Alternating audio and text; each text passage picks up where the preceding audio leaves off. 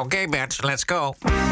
This is the TPO podcast. Suggestie minister Omtzigt nog springlevend. Dat je daarover denkt dat hij dat goed zou kunnen, vind ik heel normaal. En dat Rutte daar ook over gedacht heeft, vind ik ook heel normaal. Segers maakt het uit met Rutte per telefoon. Ik heb hem ook opgebeld. Ja, dat is heel moeilijk. Dat is omdat je elkaar heel goed kent. En ik hem ook in heel veel aspecten waardeer.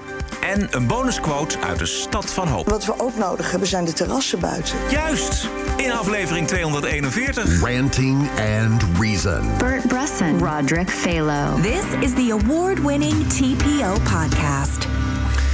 Goedenavond, het is eh, maandagavond 5 april, tweede paasdag. Alsof het gewoon zondag is. Er gebeurt helemaal niks. Bert en ik hebben de hele dag lopen F5 om onze kranten op te halen. Kwam, kwam niks. Ik was ook echt zakelijke mailtjes aan het versturen. Die had ik, had ik donderdagavond verstuurd. En vandaag nog geen reactie. Wat, wat duurt dat? Oh, oh, nee, wacht, wacht, wacht. Vier dagen. Hier gelukkig alleen op... op nou ja, in Nederland heb je geen niet echt goede vrijdag. Is wel alles open, hè? Hier niet. Ja. Eh, maar tweede paasdag is dan wel weer alles open hier. Desondanks heb ik toch ongelooflijk slecht geslapen vannacht. Omdat de gemeente Amsterdam in al haar oneindige wijsheid... een vergunning had afgegeven voor nachtelijk heien... in het westelijk havengebied. Überhaupt, maar helemaal met Pasen. En dan lig je dus om één uur s'nachts uh, in een avondklok stille stad. En dan hoor je dus dit gewoon heel ver weg, hoor je dit. En dan woon ik nog behoorlijk behoorlijke afstand van het westelijk havengebied. Maar wat dacht Ik je van net zeggen. iedereen die daar tegenover woont... of da- daar in de buurt woont, jongen, dat is niet te geloven. Hè? Ze zijn er bezig aan een nieuwe spoorbrug. De politie is de hele nacht gebeld boze telefoontjes. Kun je het echt horen bij jou, ja? Ja, ja, ja. Ik dacht, ik dacht wat, wat is hier aan de hand, dacht ik. En dan heien overdag, dat is ook vervelend... eh, als dat de hele dag doorgaat voor je, voor je neus. Maar s'nachts een vergunning afgeven om s'nachts te heien... Dat, dat, dat gaat er niet in bij mij. Wat is dat? Ze zijn Wie de, hoop, de, de hoop er aan het instampen of zo. Ik, ik heb ook even geen... ik, ik las het ook. Ik dacht ook van, dit is wel een heel aparte gedachte. Ja. Ik bedoel, kijk, als je nou eh, eh, midden in de woestijn met drie omwonenden zegt, zwart, jammer van die omwonenden. Maar in een stad waar ongeveer acht, alle 800.000 mensen het ook kunnen horen, is misschien een minder goed idee. En s'nachts. Ja, dat zeg ik s'nachts. Het is dan wel, ja. Dat je het overdag doet, snap ik. Maar dat, je, je zit toch wel... Ja, ja, maar dat gaat vaker zo. Hè. Het is, eh, ik heb ook wel mensen die gewoon helemaal... Helemaal krankzinnig zijn geworden omdat, eh, omdat de, tram, eh, de tramrails dat ze wekenlang aan het slijpen waren, dag en nacht en zo. En dat soort onzin. Die werkzaamheden, daar eh, wordt meestal niet zo heel erg rekening gehouden met wat de bewoners vinden. Terwijl ja, het is altijd een beetje, ja, ja, een beetje wakker liggen. Wakker liggen is echt verschrikkelijk. Vooral wakker worden. Dat je midden in de nacht wakker wordt, dat is echt zo kut. En als je dat drie dagen doet, ben je gewoon helemaal weg. Dan word je helemaal psychotisch. Dit was eh, niet vannacht, maar dit was gewoon overdag. Enig idee wat dit is, Bert? Eh, regen, Nee. hagel. Ja. Ah. Echt paasweer, hoor ik. Amsterdam, 5 april 2021. Sneeuw en hagel. Ja. Ja, Ah, dat dat kan gebeuren. De terrassen zijn toch niet open. Dus. Nee, precies, precies. Dus eh, wat dat betreft. Belangrijkste vraag eh, in deze podcast misschien wel... hoe verder nu met Rutte en de formatie natuurlijk. Het is een eh, rustige tweede paasdag... maar gelukkig hebben we een formatiecrisis. Eh, dinsdag, voor ons morgen, kiest de Tweede Kamer een informateur. Die gaat op basis van de standpunten van de partijen kijken welke partijen de be- beste bij elkaar kunnen. En of ze een meerderheid kunnen hebben of krijgen, eventueel nog met andere partijen erbij, daarbij. Dat is een, eh, een hels karwei, is dat Bert. Misschien de ChristenUnie. Oh nee. De ChristenUnie steunde niet de motie van wantrouwen tegen Rutte, maar is wel inmiddels afgehaakt. Wat wij hebben besloten Ja. is dat wij als ChristenUnie-fractie... dat wij geen deel kunnen uitmaken van een eventueel kabinet Rutte 4. Onze eigen keus was om niet mee te gaan met de motie van wantrouwen. Wel een motie van afkeuring, omdat we echt afkeurden wat er was gebeurd. Maar om nu te zeggen, wij kunnen niet geloofwaardig toetreden... tot een kabinet Rutte 4. Wanneer heeft u dit besluit genomen? Dat is eerder deze week eh, geweest. Dus het is Voor eigenlijk het debat? Een, ja, dat was of, tijdens het debat, aan het eind Ja, van het debat. ja. Eh, maar het bouwde eigenlijk voort op, een, eh, op de inzet die wij maandag hebben bepaald. Dus wij, wij, wij keken naar dat wat er was gebeurd. Dat er wel degelijk over Pieter Omzicht was gesproken. Op een manier die, die een uiting is van een oude cultuur. Die echt wat ons betreft niet deugt. Uh, daarvan hebben we gezegd... Een, een, oude cultuur die niet deugt, waar die vier jaar keihard aan heeft meegewerkt. Dit is niet een incident, maar dit is een veel groter verhaal. Een verhaal van een cultuur die niet deugt. Juist. Wat een christenstreek, zeg. Man, man, man, man, man. Dit is Wow. toch echt... Dit is toch echt... Hier kan je echt geen maat... Het hart kan er nog overheen. Nee. Het is niet... te- Het is toch elke keer weer hetzelfde. Die zegers die zitten gewoon eh, vlak bij de deur... om nog voordat het laatste orgel klinkt... nog even snel eh, de zegen in ontvangst te nemen... als eerste buiten te zijn... voordat de collectezak langskomt. Ja, ja. Dit is als typisch echt ChristenUnie christelijk. Ja. Typisch, typisch, typisch. Ja, terwijl het zo, eigenlijk zo helder als wat is. Want boosheid merkten wij onmiddellijk natuurlijk in de gelederen van de ChristenUnie. Waarom? Omdat ze dus die motie van wantrouwen eh, niet hadden gesteund. Eh, dus toen toch maar snel, voor, tijdens of vlak daarna, na het debat besloten... nee, we gaan niet mee in een volgend Rutte-kabinet. Zo. Ja, maar wel Man, man, altijd lekker samengewerkt met Mark. Heeft u goed samengewerkt deze jaren met hem? Over het algemeen hebben wij, hebben wij goed samengewerkt. Dus het is, het is ook iemand die ehm, ook onze belangen geregeld heeft verdedigd ten opzichte van, eh, van anderen. Dus het is ook een, een, een, eh, op veel momenten een goede teamleider geweest. Eh, En die laat je dus zo in de steek. ik heb hem ook opgebeld. Ja, dat is, Dat is, dat is heel moeilijk. Dat is eh, omdat je elkaar heel goed kent. En eh, ik hem ook in heel veel aspecten waardeer. Wat een vreselijke man. Ah, maar als ik echt, als ik Rutte was, ik zou hem tegenkomen. Ik zou echt Ja. met mijn fiets over dat gereformeerde gezicht heen rijden. Serieus. Met die Carola Schouten erbij. Gewoon hoppakee met z'n tweetjes. Halleluja. Man, man. Wat het is, gewoon erg. de eigen gelederen naar de eigen geleden luisteren. Het heeft, ik denk dat Rutte inderdaad, wat jij, vorige week al zei... best voor zichzelf nog wel een plaatsje had gezien in een volgend kabinet. Maar dat was gewoon gedonder in de achterban. Ik geloof dat de jongerenvereniging ook van die ChristenUnie... Uh-huh, die had er geen zin meer in. En die zei van, eh, dit kan je niet maken. Je had die motie van wantrouwen moeten steunen. Nou, wat, weet je wat, dan compenseer ik het toch gewoon op deze manier. Ja, dat, is gewoon, dit is het gewoon, dat is dus dubbel gewoon iedereen uitspelen. Weet je, wel, een ontzettende fariseeën. In de eerste plaats dat je niet die motie van wantrouwen steunen... dat al die partijen zeggen, dat gaan we nu krijgen. En dan daarna duw je Rutte nog even een keer eh, van de Golgotha af. Weet je, oh, oh nee, wacht eens. Ik wil toch niet met je samenwerken. Hoppatee. En dat vlak voor Pasen, zo'n beetje op Goede Ja, Vrijdag. ja, ja, ja, Het is, nou, ik, dit, ik, hoor, eh, ik hoor Jezus hier wenen in de hemelse gewesten. Zegen, serieus. Ik hoor hem hier wenen. Eh, op Twitter de afgelopen dagen een soort eh, social justice tribunaal bezig over Rutte. Al die journalisten die elkaar de maat nemen over wie het meest anti-Rutte was. Tenminste, dat is mijn observatie. Nieuwsuur en RTL die hadden een paar vragen aan Rutte op de fiets. En eh, die lieten zich volgens anderen dan weer onmiddellijk gebruiken of misbruiken door Rutte. om het beeld van Rutte in de media te krijgen. Erik Smit bijvoorbeeld, die zei dat. Eh, die was daar heel fel op. En zelfs een Diederik, een Diederik Smit, eh, die had zijn ironie aan de wilgen gehangen. Iedereen fel tegen Rutte. Beetje dwangmatig conformisme, vond ik dat. Ik vond het echt wel saai worden op een gegeven moment. Na drie dagen wist ik het wel Wat, eh, ja, hoe bedoel je dat? wie het felst was tegen Rutte. En er is een hoop eh, tegen Rutte. Maar als op een gegeven moment iedereen dat gaat doen op Twitter... dan raak ik een beetje verveeld. Nou, gelukkig waren er ook andere geluiden van... eh, oh, oh, wat raar, dat waren alleen maar VVD-prominenten. Hè? Wat raar, je zou denken dat dat aangestuurd is en georchestreerd. Nou ja, laten we maar doen alsof het allemaal oprecht is. Jij bedoelt waarschijnlijk de VVD...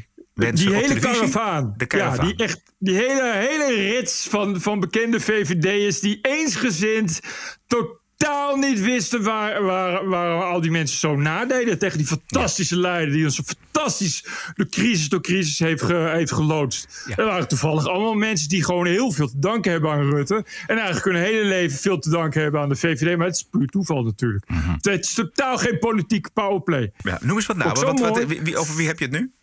Henk Kamp, eh eh, eh, Wiegel, Melanie Schultz van Hagen.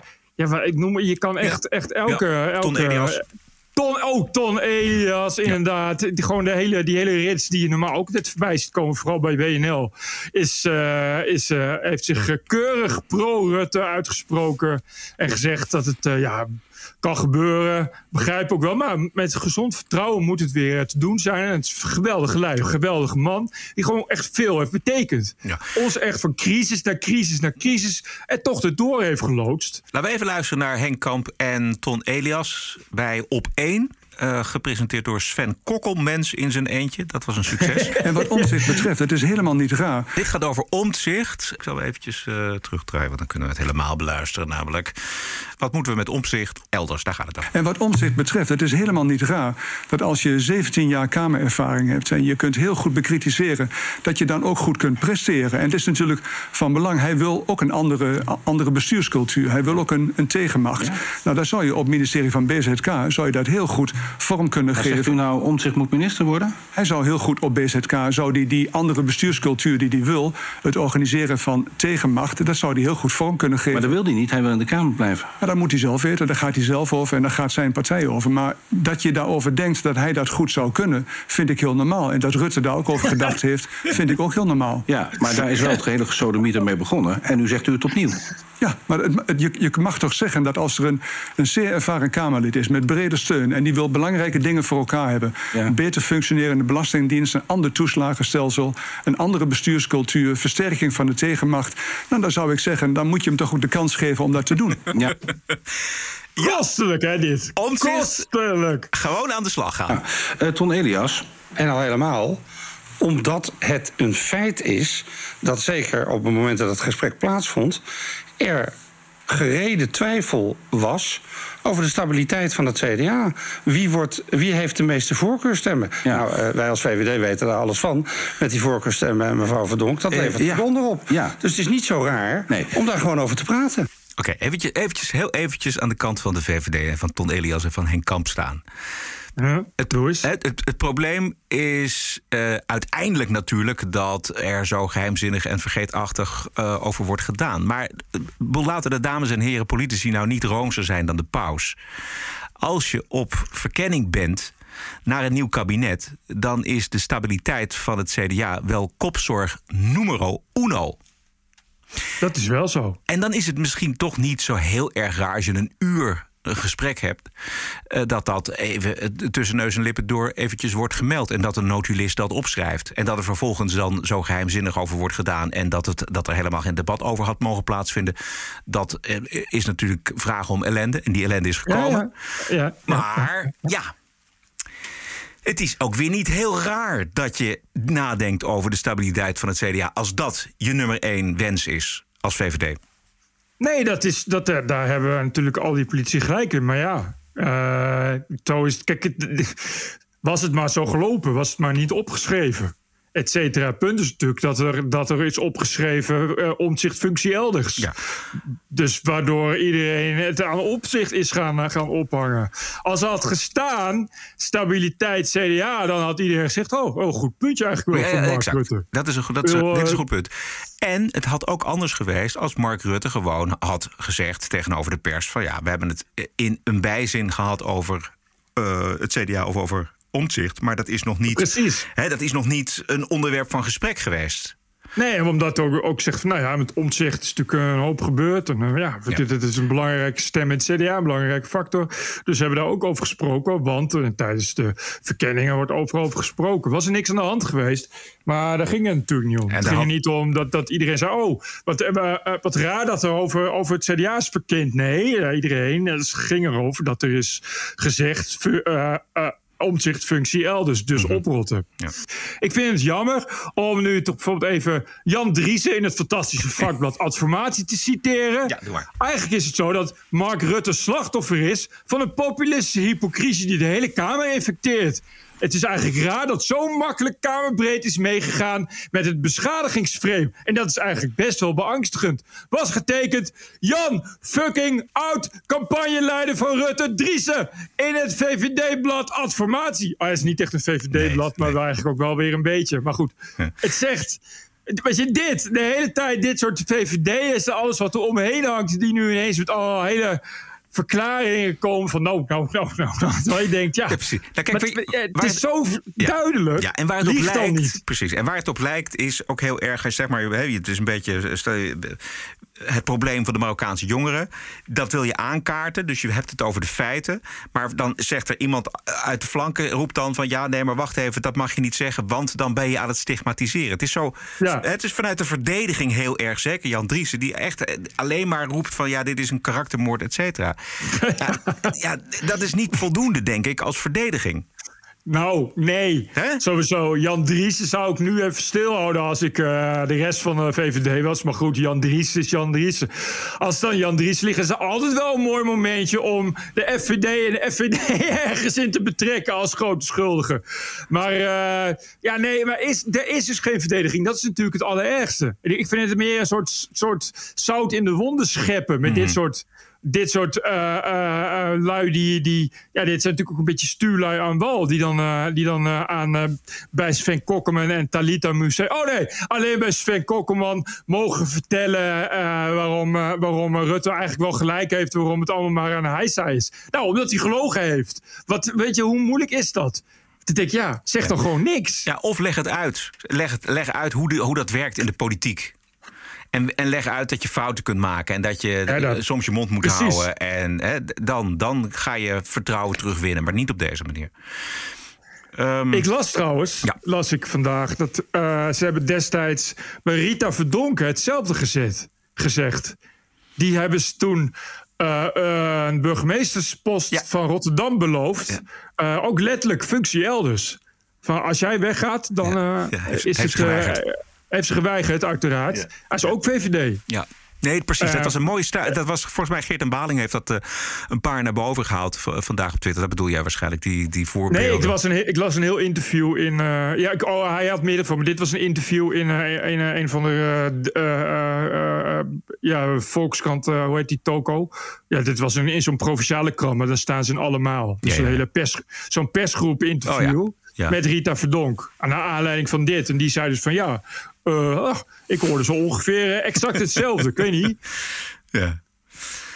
Eh, eventjes die peiling van eh, Maurice de Hond van gisteren. Dat was ook wel weer mooi. Eh, die, die peilde zes zetels verlies voor de VVD. Het viel me nog mee eigenlijk. Ja, valt nog mee, hè? Daarvan ging er één naar D66. Twee gingen er naar Ja21. Één ging er naar Juist. Volt. En één ging er naar BBB. En mogelijk gaat er nog eentje naar de Partij voor de Dieren. En er ging er ook eentje van de PVV naar Forum.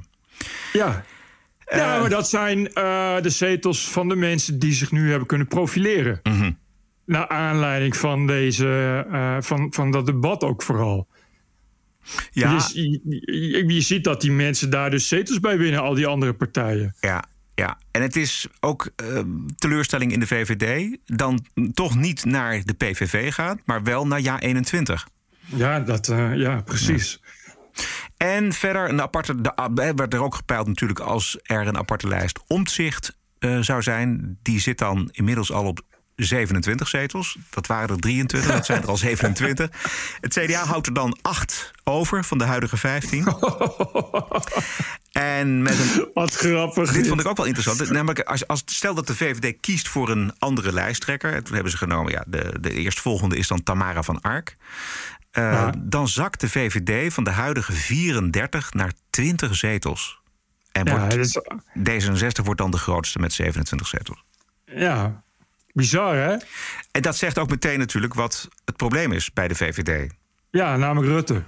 die al die 2 miljoen eh, zetels meeneemt. Nou ja, in ieder geval, Heeft. hij, de- tenminste, kijk, die, die peilingen zijn natuurlijk dagkoersen ook. Maar het is nu voor die, voor die partij, is Rutte nog de leider. Zeker als je kijkt naar de afgelopen verkiezingen. En stel dat er nieuwe verkiezingen komen, waarvan ik niet denk dat die komen.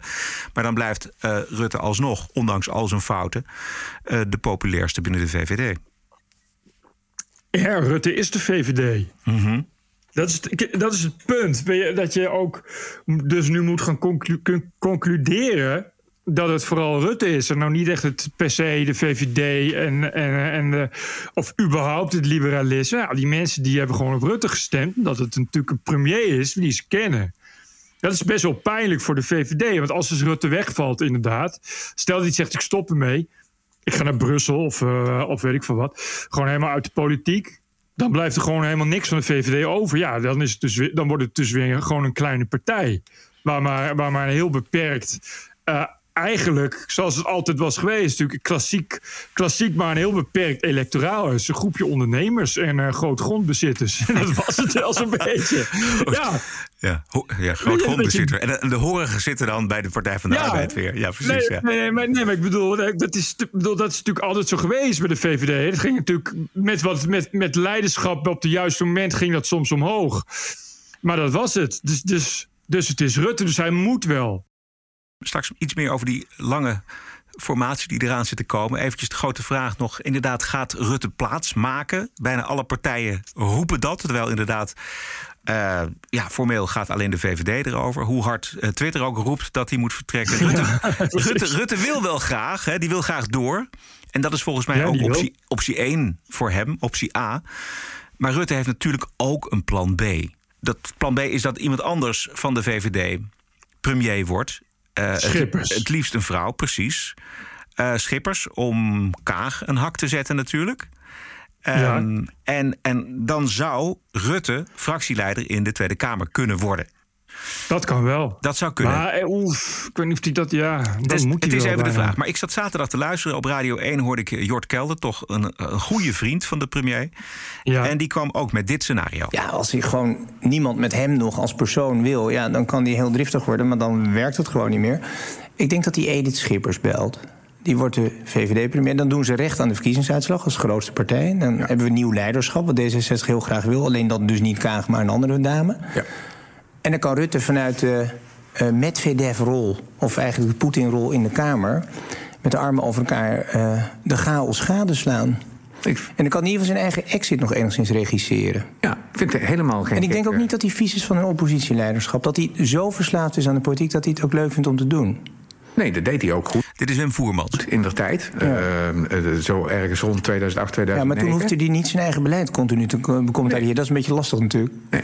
Maar het zou ook wel heel goed zijn in, in Nederland. Ik, ik acht het eh, helemaal geen irreëel scenario. Als dat terugkomt. Ja, dat het zo zou gebeuren, dat hij de Kamer in zou gaan. En het zou ook wel goed zijn, want wat je in Nederland ook ziet... is, in tegenstelling tot andere landen... dat eh, oud-bewindslieden dat die niet terugkeren in de Kamer meestal. Of naar de Eerste Kamer. Hè. In Nederland is, heeft de hoogste status Ja, ja. minister worden. Een Kamerlid is voor iets erbij. Maar Dat is, eigenlijk parlementariër het hoogste toch? dat is het hoogste. Ja, Ja. dat. Kijk, dit gesprek voert Jort natuurlijk ook met Mark. Ja. Hè? Om ze even bij de voornaam te noemen. Dit is wat er gebeurt. En de vraag is natuurlijk, kijk, Rutte gaat niet al bij voorbaat zeggen...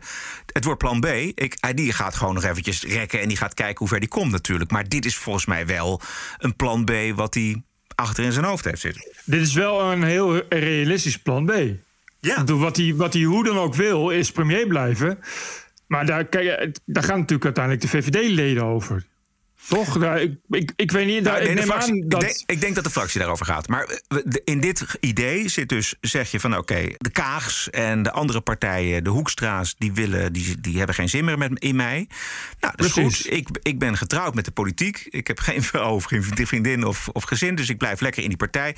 En ik ga Precies. gewoon, ik ben de fractieleider. En dan maken we Edith Schippers, maken we de premier. En dan gaat hij Edith Ja. Schippers lekker voeden met van je moet die kant op en je moet die kant en je moet zus en je moet zo.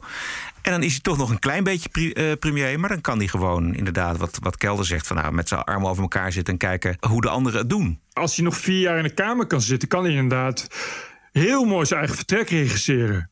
Dan kun je, eh, kan die straks moeiteloos, zonder kleerscheuren, kan die afvloeien. Waarheen die maar wil. En hij kan zelfs nog kijken hoe hij herstelt in die vier jaar. En kijken Precies. of hij over vier jaar nog een, nog een keer partijleider wordt. En, en, en Hij kan- doet naar het premierschap.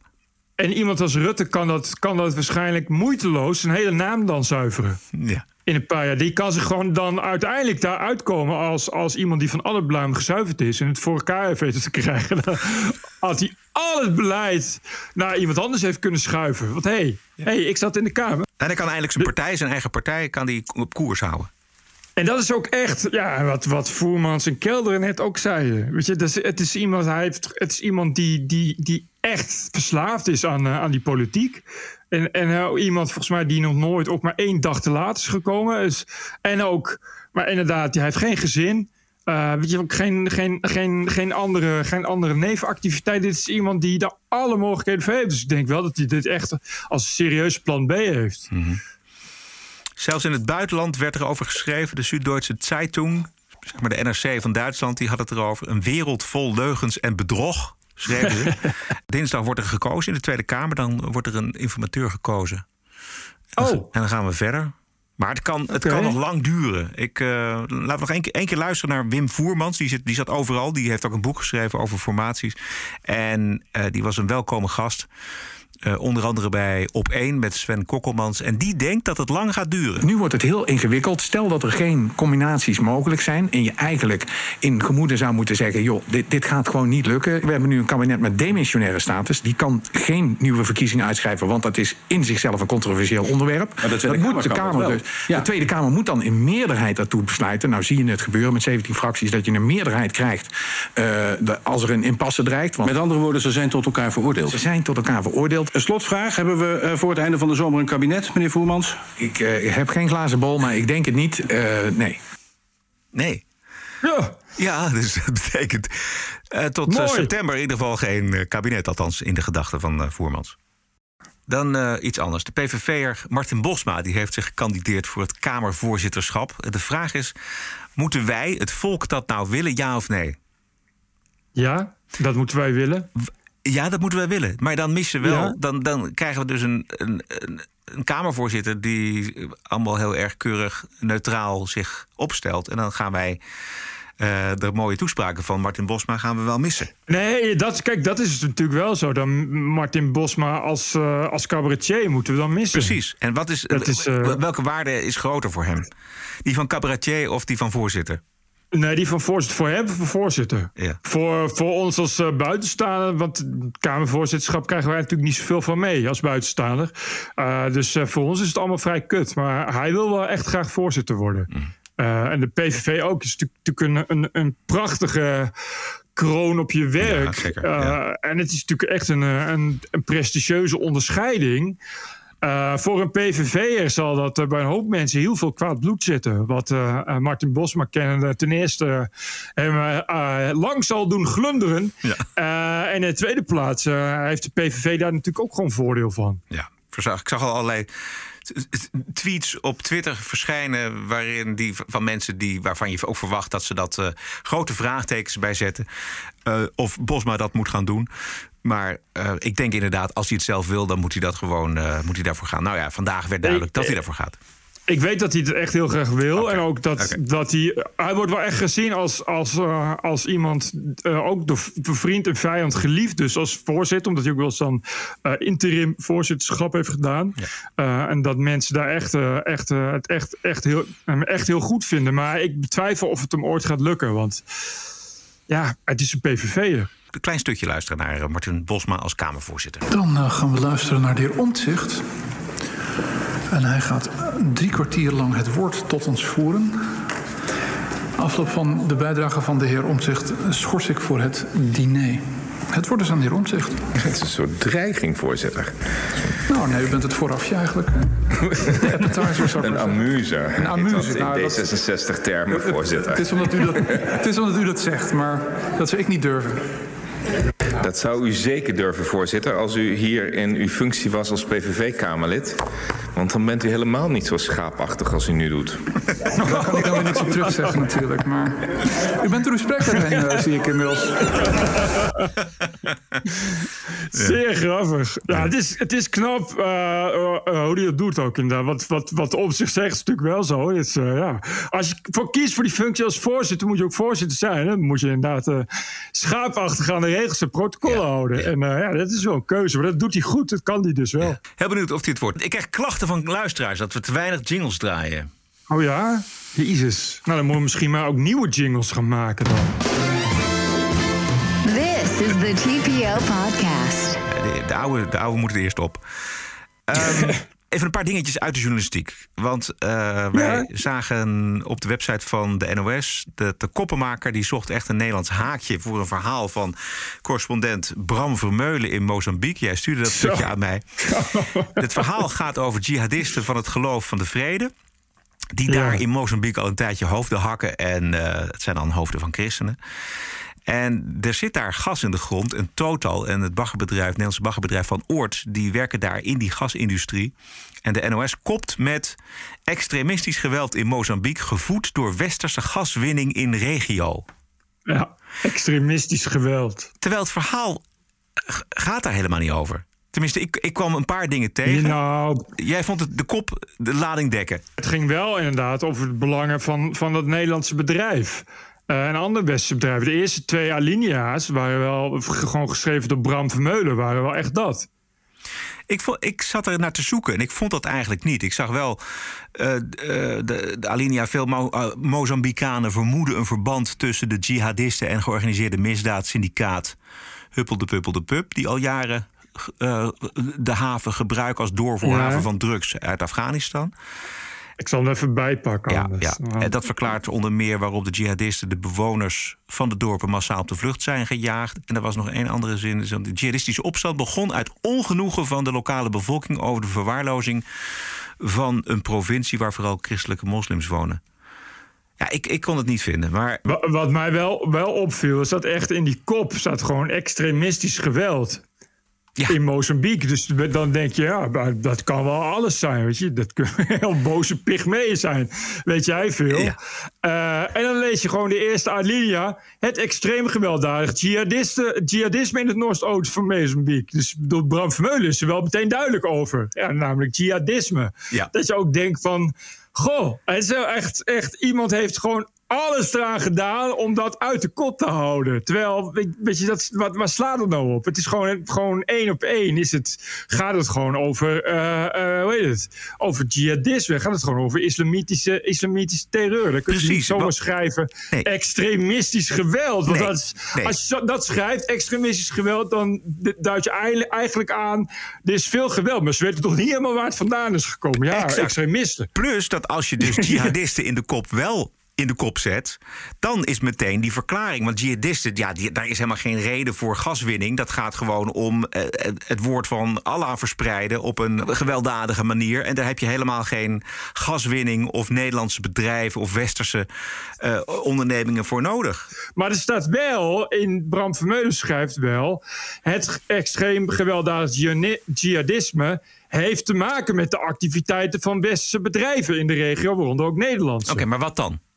Dat, ja, nou ja, maar het staat er dus wel, schuld van het Westen. Ja, maar het wordt verder ook niet, helemaal niet uitgelegd. Nee, oké, maar, dat, maar goed. Dit is wel, ik vond het. eh Nos was sowieso op dreef. Want die hadden vandaag ook eh, een. eh, een topbericht over het overlijden van, een, van de 91-jarige koningin van het Marokkaanse levenslied. Ja, ja precies. Ja. Echt. Niks om te lachen, maar ik weet, ik weet waarom wij lachen. Namelijk de, de volgende reden, Bert. Hoeveel mensen in Nederland denken: ach, Hagia Moudia, dat icoon van het Marokkaanse levenslied, overleden. Goed dat dat op nos.nl staat, zulk nieuws. Ik ben wel benieuwd wanneer eh, de Groenlandse koning van het levenslied eh, overlijdt en dat het de nos haalt, eerlijk gezegd. Ja. Amerika-kenner Frans Verhagen die mocht voor NRC Handelsblad een boek recenseren over het Amerikaanse congres. En nou heeft Frans Verhagen een gepassioneerde weerzin tegen alles wat rechts is. Dus eh, eh, Trump en de Republikeinen. Eh, het boek ehm, wordt als volgt gerecenseerd. De kop is heel groot. Het sluwe machtsspel waar Republikeinse politici buitengewoon goed in zijn. Dus, en dan vervolgt het. Het wordt tijd dat de Senaat wordt hervormd. Alleen dan kan er een einde komen aan de wurggreep van het racisme die de politieke mores bepaalt. Dus in de kop en in de lead eh, zie je dus waar het om gaat. Namelijk de, de, het machtsspel, de sluwe republikeinen. Sluwe republikeinen. Ja, precies, ja. De democraten zijn allemaal, die, dat, dat zijn ook zulke lievertjes... en die eh, begrijpen er allemaal niks van... en die worden helemaal overrompeld door die sluwe republikeinen. Eh, en dus moet de Senaat worden hervormd. Want dan zijn we meteen af van het racisme in de Amerikaanse Goh, het is politiek. ook, het is ook inderdaad echt zijn. Je, je hebt democraten die echt strijden te- voor het goede. Dat zijn echt de, de krachten van het licht. Die strijden tegen die sluwe ratten die zich gewoon zo'n beetje voortbewegen en alles zeg maar proberen. Weet je, met racisme en gif zaaien. Dat zijn de republikeinen. Weet je, dat, beetje dat beeld zeg maar. Precies. Je ziet het zo van eindeloos ver aankomen. Weet je wel, het is een boek wat hij goed vindt, omdat in dat boek heel, die, dat boek is heel kritisch over de Republikeinen en hoe zij zich gedragen in het congres. Dus denkt Frans Verhagen, hé, hey, dat is mooi, dat ga ik recenseren. Maar een beetje recensent, die gaat ook, ja, die gaat met zijn eigen ervaringen en zijn eigen kijk dat boek natuurlijk lezen. En die komt af en toe met een kritische noot. Nee, helemaal niks. Geen niks, geen kritische noot.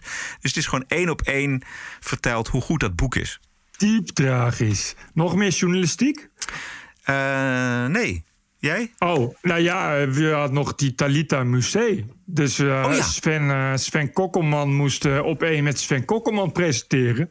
Terwijl het normaal met Talita Musee was. Maar die, is, die heeft zichzelf eruit gecanceld, geloof ik. En waarom eigenlijk? oh ja. Nou ja, kijk, zij is, zij is van huis uit al activist. En ze doet duurzaam ondernemen en dat soort, dat soort dingen. En daar, daar is ook bekend van geworden. Of althans las ik vandaag op Wikipedia. Want ik, ik, wist ook eigenlijk al niet. Ik zag er wel heel vaak voorbij komen. Ik dacht, ik heb geen idee wie die vrouw is. Maar anyway, het is, het is uh, een uh, goed gebekte millennial. Dus dat vinden ze leuk bij de NPO.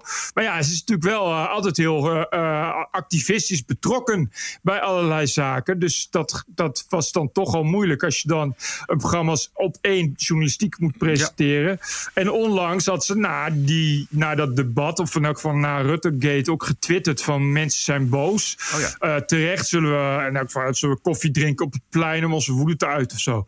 Ja, dat, dat viel natuurlijk niet goed. En ik, ik begrijp, uh, er kwam een heel suffig persbericht waar dan in stond. Ja, Sven Kokkelman gaat uh, op één presenteren.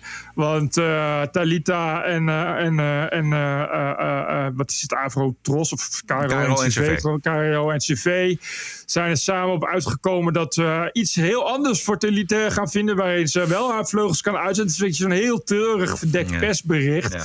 En zelfs, Functie elders functie elders. En zelf zei ze toch daarover van ja, ik, had, ik, ik, ik, ik ben er. Uh, ja, ik, ik, voelde mij, uh, ik voelde mij niet vrij genoeg meer. Ja. Dus, ja. Dus, en als je inderdaad, want dit was de laatste aflevering die ze zou gaan presenteren ja. met die Sven Kokkelman. En het op het allerlaatste moment geschrapt.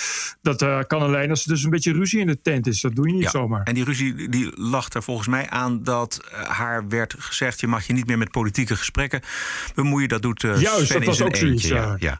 Ja. Nou, even los van haar en of je een activiste als presentator in zo'n programma moet hebben. Ehm, ik vind uh, ik zat gisteravond dus te kijken naar Sven Alone. En uh, ik moet zeggen dat dat echt een. vind ik toch veel en veel beter. Niet alleen vanwege Sven, maar het is gewoon prettig voor de kijker. Want die, die dubbelpresentatie, ja, dat is altijd dat is zo'n gedrocht. en, sowieso kut. Het is sowieso kut, precies. Het is, het is maar zelden dat twee mensen een, een programma presenteren... dat die elkaar aanvullen of dat ze luisteren naar elkaar. Televisie is het heel moeilijk, heel ingewikkeld... want je moet, mag 50 minuten maken en je hebt het allemaal ja. onderverdeeld. En ik geloof dat Paul, Jeroen Pauw en, en, en Paul Witteman... die waren daar uh, goed in. En we hadden natuurlijk uh, Barend ja. en Van Dorp, die waren ja. er heel goed Maar het is niet vanzelfsprekend dat dat goed gaat. Uit een treuren ook geprobeerd, hè? Ja. Uh, volgens mij RTL Nieuws ook nog vroeger. Ja. Kan ik me volgens mij... Uh, ja. Weet je, maar dat, en, en, uh, en Nos Journaal hebben het ook een tijd geprobeerd, volgens mij. Kan nou ja, me maar, herinneren. Maar dan heb je een script en dan lees je gewoon het nieuws. Dat is op zich is daar niet, zoveel, niet niks erg aan. Maar nou ik, ja, zelfs, ik, zelfs daar ging het niet. Want de kijker vindt dat gewoon irritant. Ja, dat kan ook de nog, hele precies. tijd bezig met... met Weet je, dat je denkt, waar, waarom moet ik de hele tijd naar twee mensen ja, kijken? Ja, precies. En dat vind, ik, ook, ik, ik, dat vind ik ook bij, bij de vooravond, weet je wel. Doe mij maar uh, Fidan, uh, de, een paar dagen Fidan en dan weer Rens Klamer. Dat is, vind ik ook prima. En bij Op 1 moet het ook zo. Want het is gewoon veel prettiger gewoon. En iemand die helemaal geïnteresseerd is in dat onderwerp. Het ging ook hartstikke goed gisteren. En je kunt hem als kijker ook veel beter volgen. Eén presentator. Het is allemaal veel te ingewikkeld Plus, en verwarrend. Twee. Plus, die Sven Kokkelman is natuurlijk heel goed. Zeker in politieke gesprekken. Ja. Uh, en ik, dat is natuurlijk ook echt een punt. Als je dan. Uh, uh, ik ken die hele Talita Museum niet, maar dat is natuurlijk toch een beetje een beginner. als je die ernaast zet, gaat dat ook wel heel erg, erg vervelend afstralen. Omdat je echt ook denkt. Ja, die Sven Kokkelman, hoe lang duurt het programma? Weet je, 40 minuten of zo, 50 minuten die doet het prima in zijn eentje. En beter als hij nog meer tijd en ruimte kreeg. Omdat hij dat. Ja, die kan dat natuurlijk heel goed. We gaan naar de Wokweek. Zullen we dat doen? Yeah. Let's do it. I was offended and I have rights. TPO Podcast. You're an adult. Grow up.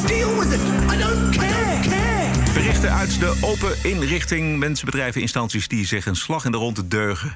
Diep buigen voor de terreur van de identiteitspolitiek. Best wel een hel verhaal in de NRC Handelsblad. eh, dat een nieuw onderzoek eh, zou hebben uitgewezen... dat vrouwelijke lijsttrekkers minder media-aandacht krijgen... waardoor ze minder zetels krijgen. Dat blijkt uit een Ah. onderzoek van de VU en van de Universiteit van Amsterdam. Eh, zij hebben onderzoek gedaan naar de rol van gender in de politiek. Opmerkelijk aan de campagne. Eh, zegt een van de onderzoekers was dat lijsttrekker Sigrid Kaag en Lilianne Ploemen het seksisme tot een thema maakten, maar het hielp niet genoeg. Het blijft een hardnekkig patroon. Dus je ziet al helemaal hoe ingestoken en met, met voorbedachte raden dit onderzoek gedaan is. Jezus. Wat een gezeur toch weer. En als er nou één vrouw alle aandacht heeft gekregen tijdens de campagne, voor de campagne, ook weer na de campagne, dan is het Sigrid Kaag. Ja. Aan de tafels van de talkshow met een eigen documentaire. Het is helemaal niet zo vanzelfsprekend dat eh, de hoeveelheid media-aandacht, ook de hoeveelheid zetels, dat dat een één op één verhouding is. Ik bedoel, je kunt iedere avond cabaretier Martijn de Koning op televisie gooien, maar dat maakt hem nog niet populair. Ik snap ook, wat, wat is het voor een jankonderzoek? Ja. MTV die gaat de taal aanpassen van allerhande Oh, ja. programma's. Hè? Nee, dat is. eh eh, MTV zendt bijvoorbeeld ook programma's uit als eh, Jersey Shore en zo. Eh, dat, ik weet niet of je het kent, maar dat, dat zijn dan extreme, extreme tokkies, want New Jersey. En die worden dan gevolgd. En het is, ja, het is allemaal, allemaal tuig van de regel. En die schelden elkaar dan de hele dag uit en zo. En dat vindt dan iedereen leuk om naar te kijken. Zo'n zo'n reality soap. Maar dan, eh, die, die, die, wat er dan gebeurt is dan dat die mensen ook elkaar de hele tijd uitmaken voor Mogol. En eh, Ja. ben, je ges- ben je gestoord of zo? Ben je niet goed bij je hoofd? Ben je helemaal gek eh, geworden? Ja, dan alleen maar dat, natuurlijk alleen maar dat soort dingen. Eh, en eh, de nieuwe directeur van, eh, van MTV, Firecom, van is, die wil daar helemaal een einde aan maken. Want het is gewoon kwetsend voor mensen met psychische problemen. Dat geeft gewoon het verkeerde signaal. Dus voortaan in alle programmeringen wordt er alleen nog maar positief over mensen met geestelijke aandoeningen gesproken. Namelijk bijvoorbeeld, zo gaf hij een voorbeeld, dat iemand dan zegt: Oh, oh, ik voel me niet zo goed, ik heb geestelijke aandoeningen. Dat dan iemand anders zegt: Oh, ik luister naar je en ben er voor je. Vertel eens, want ik ben, ik sta graag naast je om je doorheen te slepen. Dus dat wordt het nieuwe MTV. Ja, ik zie die tokkies dat niet doen hoor. Nee, dat begreep ik dus ook niet. Ik dacht van, wat, hoe ga je dat doen dan? Want dat is wel, en dat vond ik ook, dat is natuurlijk het hypocriete ervan. Wel, eh, wel al twintig jaar maak je, maak je een beetje, de meest ranzig ordinaire vuilniscentje uit. Waar, waar, waar Jan Alleman zich, zich aan spiegelt en een voorbeeld aanneemt. Want het levert de cash op. En nu is ineens wokie woke aangebroken. Is ineens, oh, oh, zo erg voor mensen, zo erg voor mensen met psychische problemen. Dat gaan we anders doen. Ik ben erg benieuwd hoe hij dat dan gaat doen. Want eh, ik neem aan dat eh, MTV gewoon, eh, gewoon nog steeds keiharde cash wil. Het is al niet zoveel meer, dus ja. Ik kwam nog tegen in een abri van een bushokje een reclameposter van het bedrijf Zalando. waarop twee meisjes die elkaars hand vasthouden staan. Waarvan één met het syndroom van Down. En de reclameslogan eronder inclusiviteit voor nu en voor altijd. Nou, dat is natuurlijk een prachtig mooi rijm. En toen dacht ik, hey, Zalando, is dat niet die online reus... met een mega distributiecentrum in Blijswijk... waar 1500 ja, ja, mensen werken onder ondoenlijke werkdruk... Juist. volgens onvoorspelbare roosters... die op de dag zelf nog bekend worden gemaakt. Zalando die de lonen laag houdt door arbeidskrachten uit het buitenland te halen... en die tegen hoge kosten in abominabele huisvesting worden gepropt. Is dat Zalando zo inclusief? Sa- Zalando is echt, echt inderdaad de naam voor alles wat er mis is met de, met de, met de huidige, huidige online eh, consumptiecultuur. Dus Ja. milieuvervuiler, onderdrukker, uitbuiter, eigenlijk alles noem maar op. Maar Zalando is inclusief. Ik zag, ze hebben al heel lang die campagnes. Ze hebben ook al eh, eh, inderdaad een poster van een jongen in een jurk. Die dan, eh, waar dan ook staat van eh, er is geen hij of zij. Eh, ik, ik, ik, zag, ik zag er ook een. Eh, Zalando is er ook voor, weet ik veel, eh, elke. En dan zie je zo'n hele lelijke, dikke, dikke vrouw met Zalando Oh, ja. kleding. Ja. ja. weet je wel. Het is al meer zoet en zo dat je inderdaad tegelijkertijd denkt, goh, ah, dat zullen inderdaad die mensen die voor 3 euro per uur eh 48 uur moeten beulen voor Zalando wel heel leuk vinden. Dat Zalando zo inclusief en begaan is met de wereld. Maar moet je je voorstellen hoe dat dan gaat, Bert? Dat er eh, van die reclamejongens die denken... hey, inclusiviteit en diversiteit, dat is toch dat is de mode. Dus weet je wat we gaan doen? We vragen gewoon twee modellen en die zetten we op een poster... en dan zetten we de inclusiviteit erop, maken we een rijmpje. Inclusiviteit Ja, ja. voor altijd. En dat is het dan. Maar zo banaal is het gewoon geworden. Het is echt heel ziek eigenlijk. Als je, als je het zeg bekijkt, dat je, ook, dat je denkt, die mensen, die mensen die de aandeelhouders van Zalando en, en het de bestuurstop van Zalando en zo, die interesseert dat echt geen fuck. Nul. Die, die, echt maar echt 0,0. Dat zijn, ik weet, Zalando is ook al volgens mij eh, 100, 110 undercover documentaires gemaakt over, over de miserabele omstandigheden en, eh, en weet ik veel wat. Het, dat zal allemaal, het is gewoon hetzelfde als Amazon, weet je wel. Die lui die zeggen, ja, het zal wel wel. Balen voor je, maar echt se- serieus kut voor je. Maar ondertussen inderdaad, dat je, oh, weet je wat we gaan doen? We gaan op eh, diversiteit en inclusiviteit zien. Maar ook, dat je gewoon, eh, maar ook zo'n zo, zo'n kind met een syndroom van Down. Jongen. Even lekker, eh, lekker even je, in je reclamecampagne trekken. Schrikkelijk. Wat is toch niet normaal, man? Walgelijk, walgelijk. Ja. Ja, niks, niks, het gaat helemaal niet over inclusiviteit. Dit gaat gewoon om winst maken, scoren over de ruggen van andere mensen heen. En dat gebruiken en dan zo'n, zo, die modellen gebruiken... en dan zo'n modeterm opeens pakken, eh, inclusiviteit. Als, Het is echt ook-. Ja, het is echt het deugt van geen Echt. kant.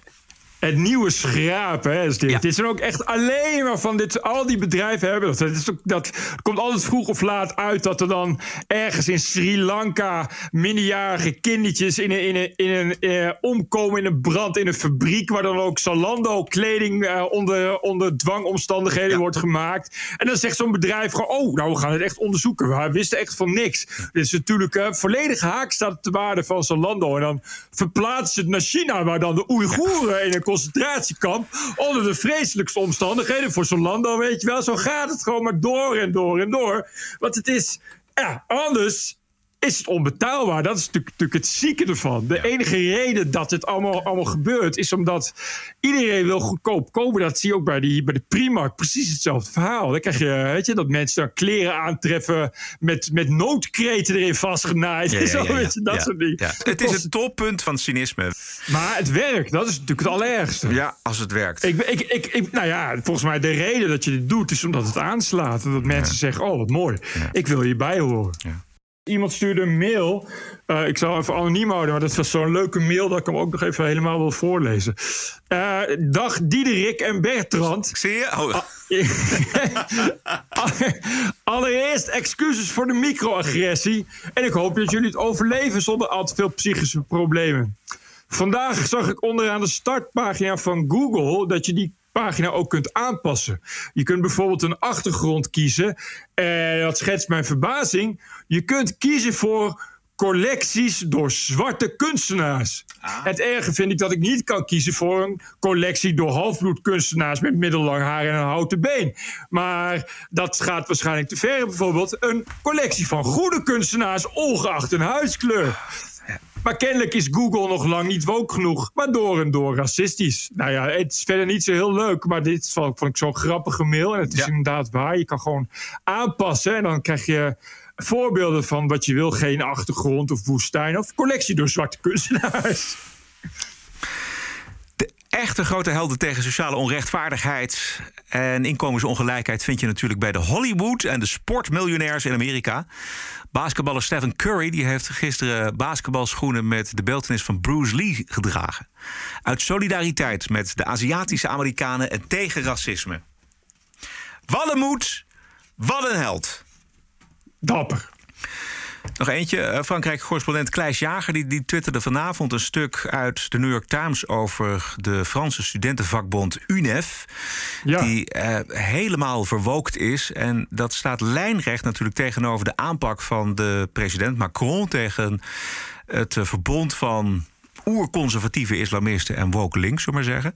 En die Ja. vakbond die organiseert avonden alleen voor vrouwen en alleen voor etnische minderheden. En stuurt eh, foto's rond van professoren die zij dan islamofobisch noemen. En ze hebben ook geprobeerd een toneelstuk van de Sorbonne te verbieden.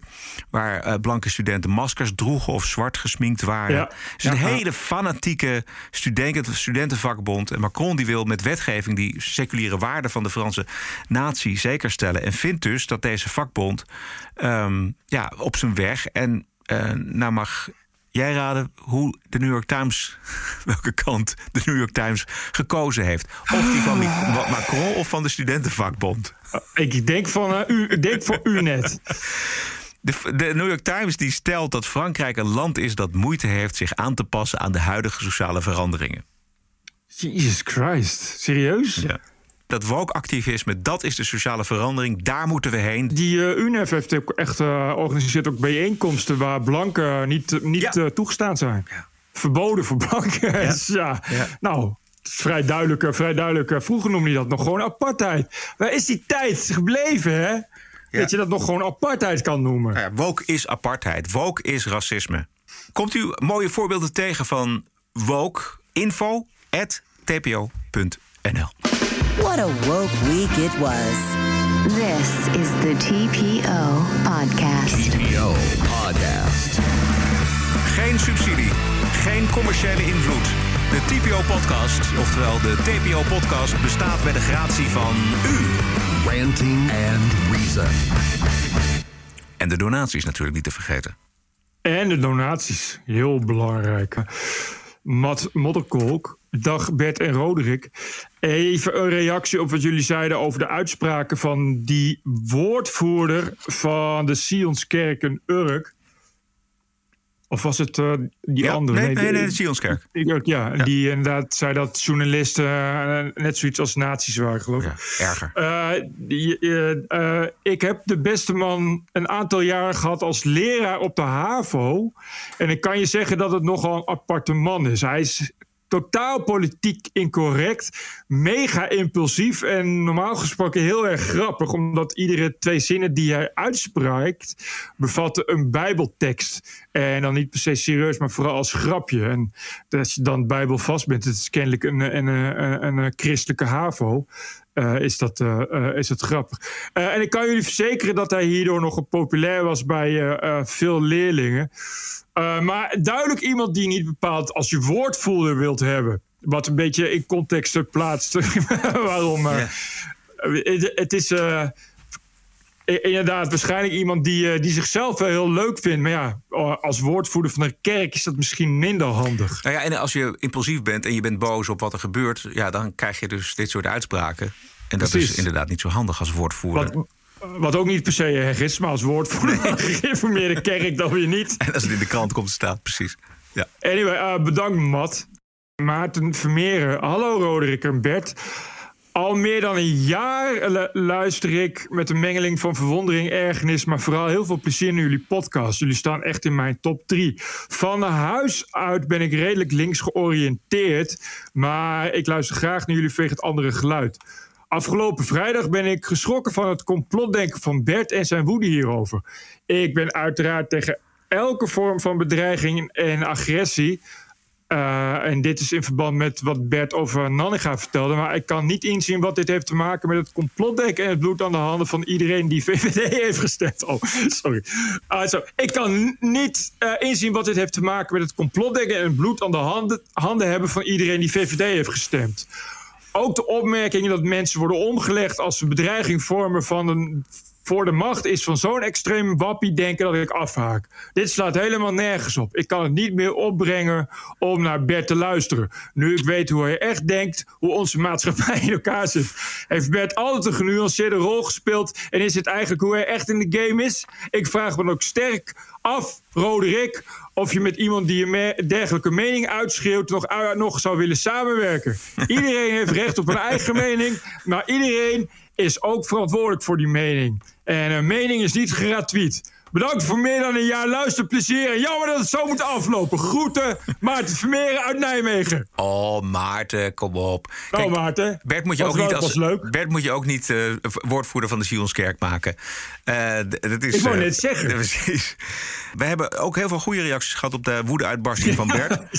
Want Bert haalt het namelijk onderuit zijn tenen. En dat is zo oprecht. Ja, dat hoort er gewoon bij. En dat gebeurt wel eens. En dat, nou ja, dat gaan we niet, niet uitzenden dan. Dat, dat doen we. We doen dat Nee, gewoon wel. eh, Nee, ja, dit is de podcast. Dus ja, dit is Ja. wat het is. En als je er, ik zou zeggen, als je er een jaar met veel plezier naar geluisterd hebt, dan kan het toch niet één woede-uitbarsting of een verkeerde zin of iets dergelijks. Kan toch niet de reden zijn dat je dan afhaakt? Want we hebben, je, er komt nog een heel jaar aan en er komt en weer een heel jaar.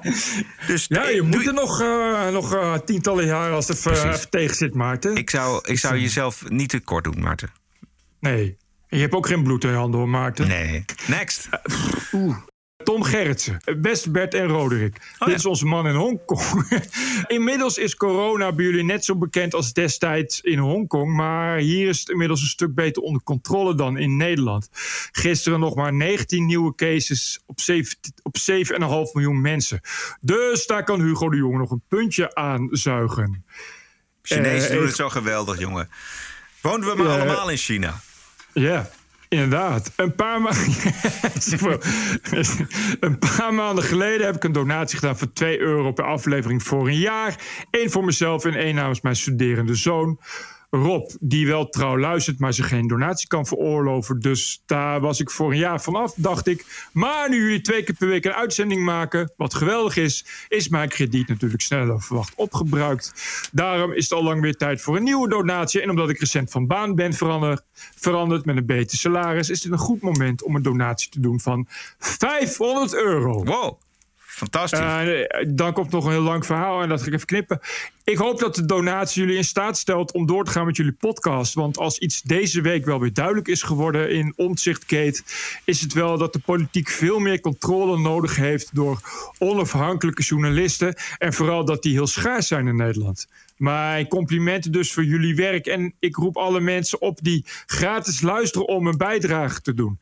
Jullie werk is te belangrijk. Vriendelijke groet uit Hongkong, Tom Gerritsen. Tom, dankjewel. Je hebt helemaal gelijk. Zonder donaties klapt de boel in elkaar. Zo simpel Zo is dat. De laatste is van Annemieke uit Brabant. Mannen, een fijne podcast die ik enkele maanden geleden pas heb ontdekt. Sindsdien ben ik trouw luisteraar en heb daarom ook een kleine donatie gedaan. Dat mag toch wel als SP'er. Blijven jullie vooral inhakken op die compleet doorgeslagen wokgekte? Dank daarvoor. Groetjes uit Brabant van Anne Mieke. Kijk, daarom vinden wij, daarom vinden wij de SP'ers zo ontzettend leuk. Dat zijn namelijk gewone linkse mensen, sociale, socialistische mensen... die helemaal niks met die verschrikkelijke woke-cultuur te maken hebben. Dat zijn gewoon, zeg maar, de, wat, wat de Partij van de Arbeid vroeger was... dat is de SP nu. Eh, nou, een gedeelte. Een gedeelte, eh, precies, ja. ja. Maar, je zegt het al, gewone linkse mensen. Tegenwoordig moet je dat erbij zeggen. Zo erg is het dus nu. gewone weet je, Ben je links? Ah, ik ben gewoon links. Rustig maar. Oh, oké. Nee, dan... dan eh, Nou ja, ik bedoel gewoon, Dan- je, hebt er nog wel de, de, de Eddie de, de mensen van Vrij Links, Ja, precies, de, weet je wel, precies. de, de mensen van de SP. Ja, precies. Heel goed. normaal links dus. Normaal links. Goed links. Right. Oké, hartstikke Bedankt, goed. mensen. Bedankt. Dit is de TPO-podcast. Een eigenzinnige kijk op het nieuws en de nieuwsmedia. Twee keer per week, elke dinsdag en elke vrijdag. 100% onafhankelijk. Want zonder reclame en zonder een cent subsidie. The award-winning TPO podcast. Wat is het jou waard? Een euro per aflevering? 104 euro per jaar? Of kies zelf een bedrag. Waardeer en doneer op tpo.nl slash podcast. De TPO-podcast. Wat is het je waard? Ja, het is ook Pasen in Amerika. Er gebeurt echt helemaal niets daar. Dus ik heb alleen nog maar een bonusquote, Bert. This is the TPO podcast. En misschien moeten we met die bonusquote eindigen met hoop uit de stad van hoop. Wat we ook nodig hebben zijn de terrassen buiten.